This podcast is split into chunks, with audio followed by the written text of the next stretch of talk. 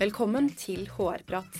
I denne podkasten intervjuer vi HR-ledere, ledere og andre spesialister på sitt felt for å diskutere de utfordringene som dagens HR-ledere står overfor. Vi tar opp temaer innen ledelse, organisasjon, arbeidsrett og praktiske utfordringer innen HR. Mitt navn er Lene Gjevert, og jeg jobber som HR-manager i Visma. Velkommen til ny episode av HR-prat. Dagens tema er mangfold og inkludering, og for å snakke om dette har vi invitert Merete Medle. Velkommen til deg. Takk. Kan ikke du begynne med å fortelle oss litt om deg selv? Eh, ja, det kan jeg gjøre. Eh, Merete heter jeg, er 39, snart 40 år. Eh, har ikke kjent noe på 40-årskrisen ennå. Eh, opprinnelig fra Austevoll utenfor Bergen.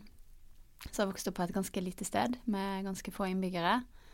Og nå bor jeg i Oslo med litt flere innbyggere. Og så har jeg eh, to barn og et bonusbarn. Gift med Marte. Bor på Ullern. Eh, det tror jeg var kultursjokk for både oss og Ullern, kanskje. Jaha. Eh, ja. Ellers så jobber jeg i Ice med Telekom. Kundeopplevelse er faget mitt. Glad i musikk, skriving, kreativ. Og øver gjengs opptatt, tror jeg, av mangfold og likestilling og inkludering. Bra, tusen takk. Det er jo en litt uvanlig grunn til at du er gjest her. Ofte så eh, kommer kanskje gjestene inn på en, måte, eh, på en annen måte enn det du har gjort. Men i juni så var det pride-måned, og nå, da hadde vi jo masse regnbuelogoer ute overalt. Og det var veldig fokus kanskje på mangfold og inkludering. Og da Mm. så jeg en video fra et internt arrangement der du holdt et foredrag om mangfold og inkludering. Mm. Og du fortalte jo da om de fordommene som du tidvis møter. Mm. Hvorfor har det vært viktig for deg å gjøre noe slikt? Nei, jeg tror uh, det var litt sånn tilfeldig, egentlig. Eller det er kanskje feil å si tilfeldig, for jeg er jo veldig opptatt av det. Så når jeg fikk anledningen til å snakke om noe sånt, så Ja, da greip jeg da eh, vel den muligheten. Men, men uh, et, litt for å bevisstgjøre og kanskje sette ting litt i perspektiv, da. Fordi jeg møter så innmari ofte den der Har vi ikke kommet så langt i Norge i dag med tanke på å være homofil eller lesbisk? Eh, og det har vi jo helt klart, eh, men så ser vi òg en, en polarisering, sånn at de som ikke syns at dette er greit, de tyr gjerne til mer ekstreme måter å formidle det på da, enn det man gjorde før. Eh, så derfor så tror jeg det er viktig å, å belyse kanskje litt den der ubevisste hverdags Det blir veldig sånn dramatisk å, å kalle det diskriminering, men det er en eller annen sånn eh, Man går rundt og er litt bevisstløs da, på hvordan man adresserer enkelte temaer eller snakker om enkelte ting, som jeg kanskje syns at uh, fortjener en, en liten tankevekker. Uh, og så er det klart jeg er lesbisk og går på jobb og er lesbisk hver dag. Uh, og for alle som ikke er lesbisk, så opplever jeg en del ting som de slipper, da. Eh, og så syns jeg at jeg står greit i det, for jeg er veldig trygg og har på en måte ikke noe behov for å, å bli holdt i hånda, men det kan jo tenkes at det finnes andre der som ikke er like trygge eh, som det jeg har vært så heldig å få være. Eh, og da syns jeg det er viktig å, å på en måte vise den sida av ting, rett og slett. Men kan du si litt om hvilke fordommer eh, du møter? Ja, altså jeg, jeg syns det er litt dramatisk å si fordommer, fordi Ja. det- er litt ubevisst eh, kanskje holdninger mer enn fordommer. For jeg tror ikke det er bevisst eller ondskapsfullt meint. Men det er annet spørsmålet om eh, hvordan meg og Marte bestemte oss for hvem som skulle gå gravid med våre barn, f.eks. Ja. Eh, det er et litt sånn spørsmål. Eller eh, hvordan barna våre ble lagd. Eh, og det er det vel ingen som spør deg om. Nå vet ikke jeg om du har barn, men Jeg har ikke barn, men- jeg vet at du er gift med en mann, i hvert fall. Eh, og, og hvis du hadde hatt barn, så er det vel helt unaturlig å spørre deg ja, hvordan, hvordan ble de til? ja. Ikke sant? Eh, og det er jo på en måte de litt uskyldige, og det er ikke vanskelig å svare på det spørsmålet, men så kommer du gjerne eh, Det er jo klassiske firmafesten da, litt utpå kvelden der, der enkelte begynner å bli veldig varme i trøya, og, og dette var det jeg adresserte litt i, den, i det innlegget, at eh, når du snakker med noen som er så diametralt annerledes enn deg, da, da blir plutselig grensa for å stille de litt annerledes spørsmålene, den blir litt viska vekk, og til slutt så har du kanskje beveget deg inn i et inn i et hjørne der du stiller ganske personlige og private spørsmål uten å tenke helt over at du gjør det bare fordi at den du snakker med, er annerledes. Mm. Eh, og det kan for noen sikkert oppleves som, eh, som litt ubehagelig. Eh, og jeg har fått spørsmålet liksom gått ut i de sene nattetimer, men du, har du egentlig vært med en mann da? Du skulle ikke, du skulle ikke bare liksom prøvd for å være helt sikker, eller eh, uten at de egentlig vet noen ting om min, uh, om min historie eller min fortid. Mm. Altså Noen av de eksemplene du kom med, de høres jo ganske ekstreme ut. Og jeg tenker jo litt sånn når du sitter og forteller, hvem er det som spør om slikt? Men det slo meg jo før jeg skulle møte deg i dag at jeg har blitt skånet for ganske mange fordommer gjennom livet, og nettopp fordi jeg er så A4 som man omtrent kan bli. Men samtidig så får jo jeg spørsmål som når skal du få barn, eller hvorfor har ikke du mm. fått barn? Eh, og det er jo kanskje fordi det er ett område som jeg ikke lever helt opp til den A4-forventningen. Eh, og det er jo ingen som vender noe vondt med å spørre, det er jo et nysgjerrig spørsmål. Men i likhet med noen av de eksemplene du kom med, så er det vel kanskje at man liksom ikke lever inn i de der snevre forventningene til hvordan vi alle skal gjøre ting. Nei, så tror jeg det er dette som er vanskelig, sant. Fordi hvis vi, skal, hvis vi skal få til et ordentlig mangfold, så må vi jo kunne adressere noen av de tingene som disse spørsmålene tar mm. utgangspunkt i. Men jeg tror at det handler mye om at vi må lære oss hvordan man kan stille de spørsmålene, og, og, når er det greit og ikke greit. sant?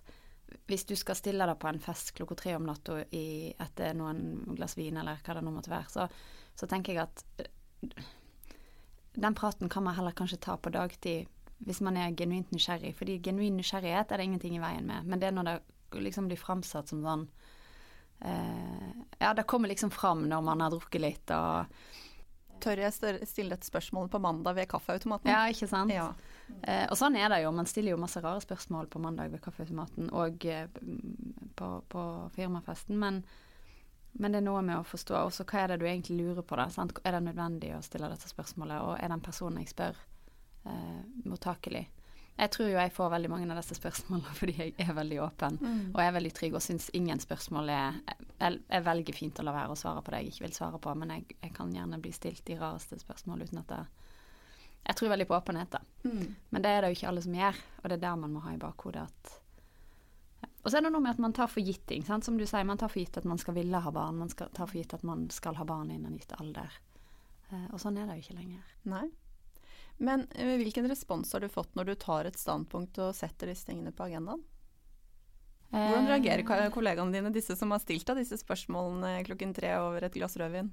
Nei, det var jo vittig, da. Det kom jo en del folk etter den uh, seansen der og sa herregud, det der er jo meg, liksom. Har jeg gjort det? Gud, da må jeg bare beklage. Jeg, jeg skjønner jo nå, liksom at det kanskje må ha føltes litt mm. merkelig.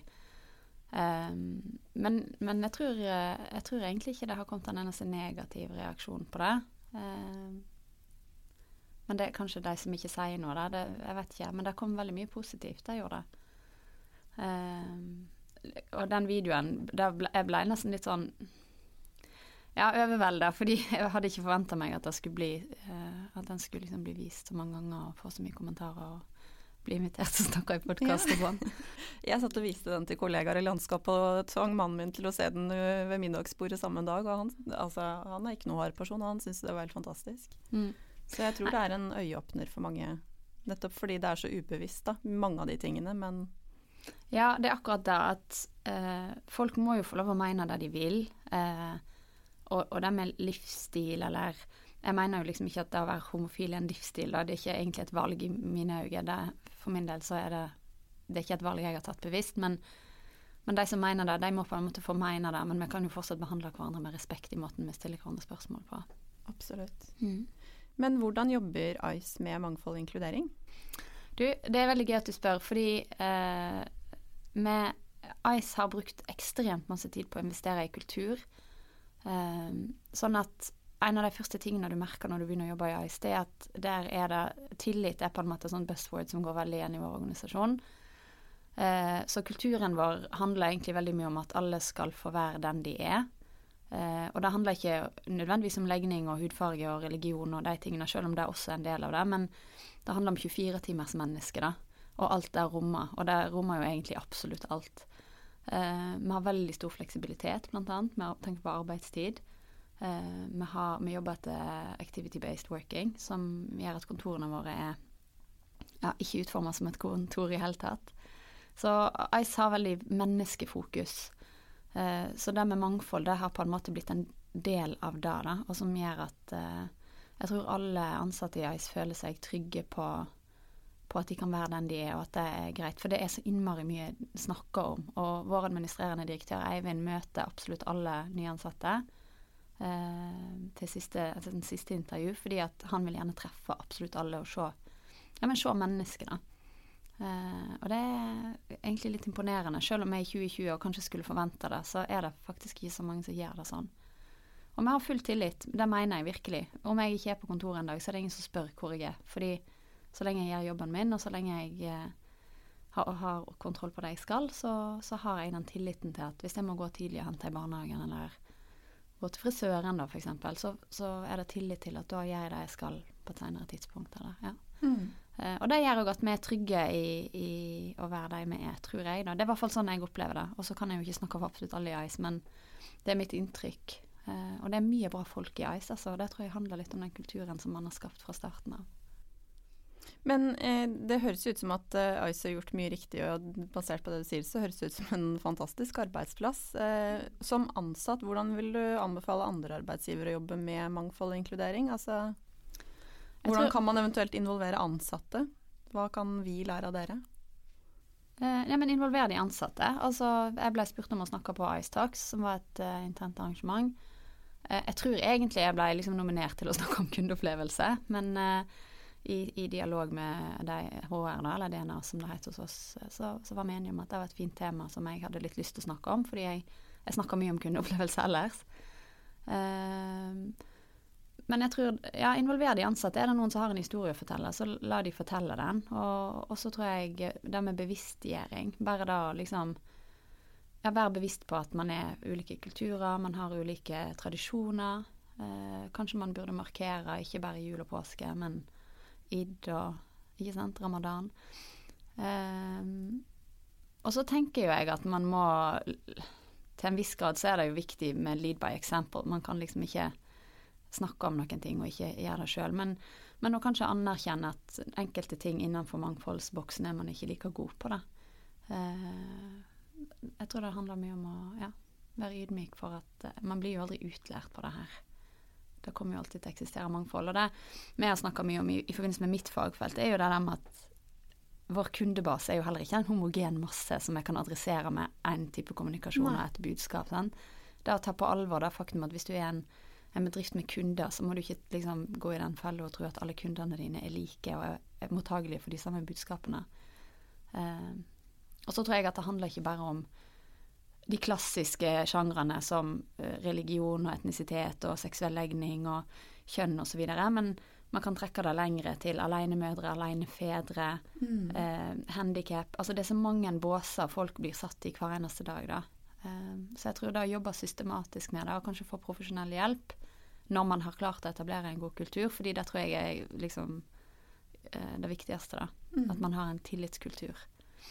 Eh, så, så, er det veldig mye man kan gjøre. Men jeg tror ikke det trenger å være så vanskelig å, å komme i gang. Nei. Tror jeg ikke. Før vi runder av, hvilke tre råd har du til de HR-lederne som hører på, for at de skal lykkes i arbeidet med mangfold og inkludering? Ja, men Se rundt deg, da. Prøv å forestille deg en vanlig dag i tre forskjellige medarbeidere sitt liv.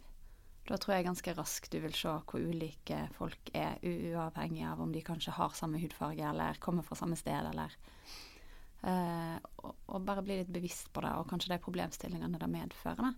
Eh, og ikke minst alle de positive tingene det kommer av å være fokusert på mangfold. Fordi det er jo et enormt utbytte av å fokusere på det her. Mm. Det skaper jo ja, samarbeidskultur, og det er jo beviselig at det på en måte ja, det bryter ned grenser, økonomien vokser. Det, det, er så mange ting som skjer i positiv forstand når man fokuserer på det her. Ja, for det tok jo du også opp i, den, uh, i det foredraget du holdt. Mm. Hvilke effekter er det man bør være klar over av å jobbe med dette her? Nei, men bare det at uh, selskap som fokuserer på mangfold, er mye mer uh, De vokser mye mer enn statistisk. De har bedre profitt uh, på tvers av landegrenser. De får tilgang til globale marked. Um, og så tror jeg Altså Det med brain drain tror jeg er ganske viktig, kanskje også spesielt i Norge. da, at Kloke hoder og smarte folk de vil jobbe for selskap som tenker mangfold. Det er ingen som har lyst til å være en sånn gammel, traust eh, arbeidsgiver som bare har de der tradisjonelle fokusområdene. Så ja, de smarteste folkene er opptatt av dette. Både kunder og ansatte? Absolutt. Mm. Tusen takk for gode råd, og tusen takk for at du kom. Takk for meg. Og til deg som hører på, vi prates. Hvis du har temaer eller spørsmål du ønsker vi skal diskutere, send oss gjerne en mail på hrprat.visma.com. Og for flere episoder, sjekk ut visma.no slash podkast slash hrprat.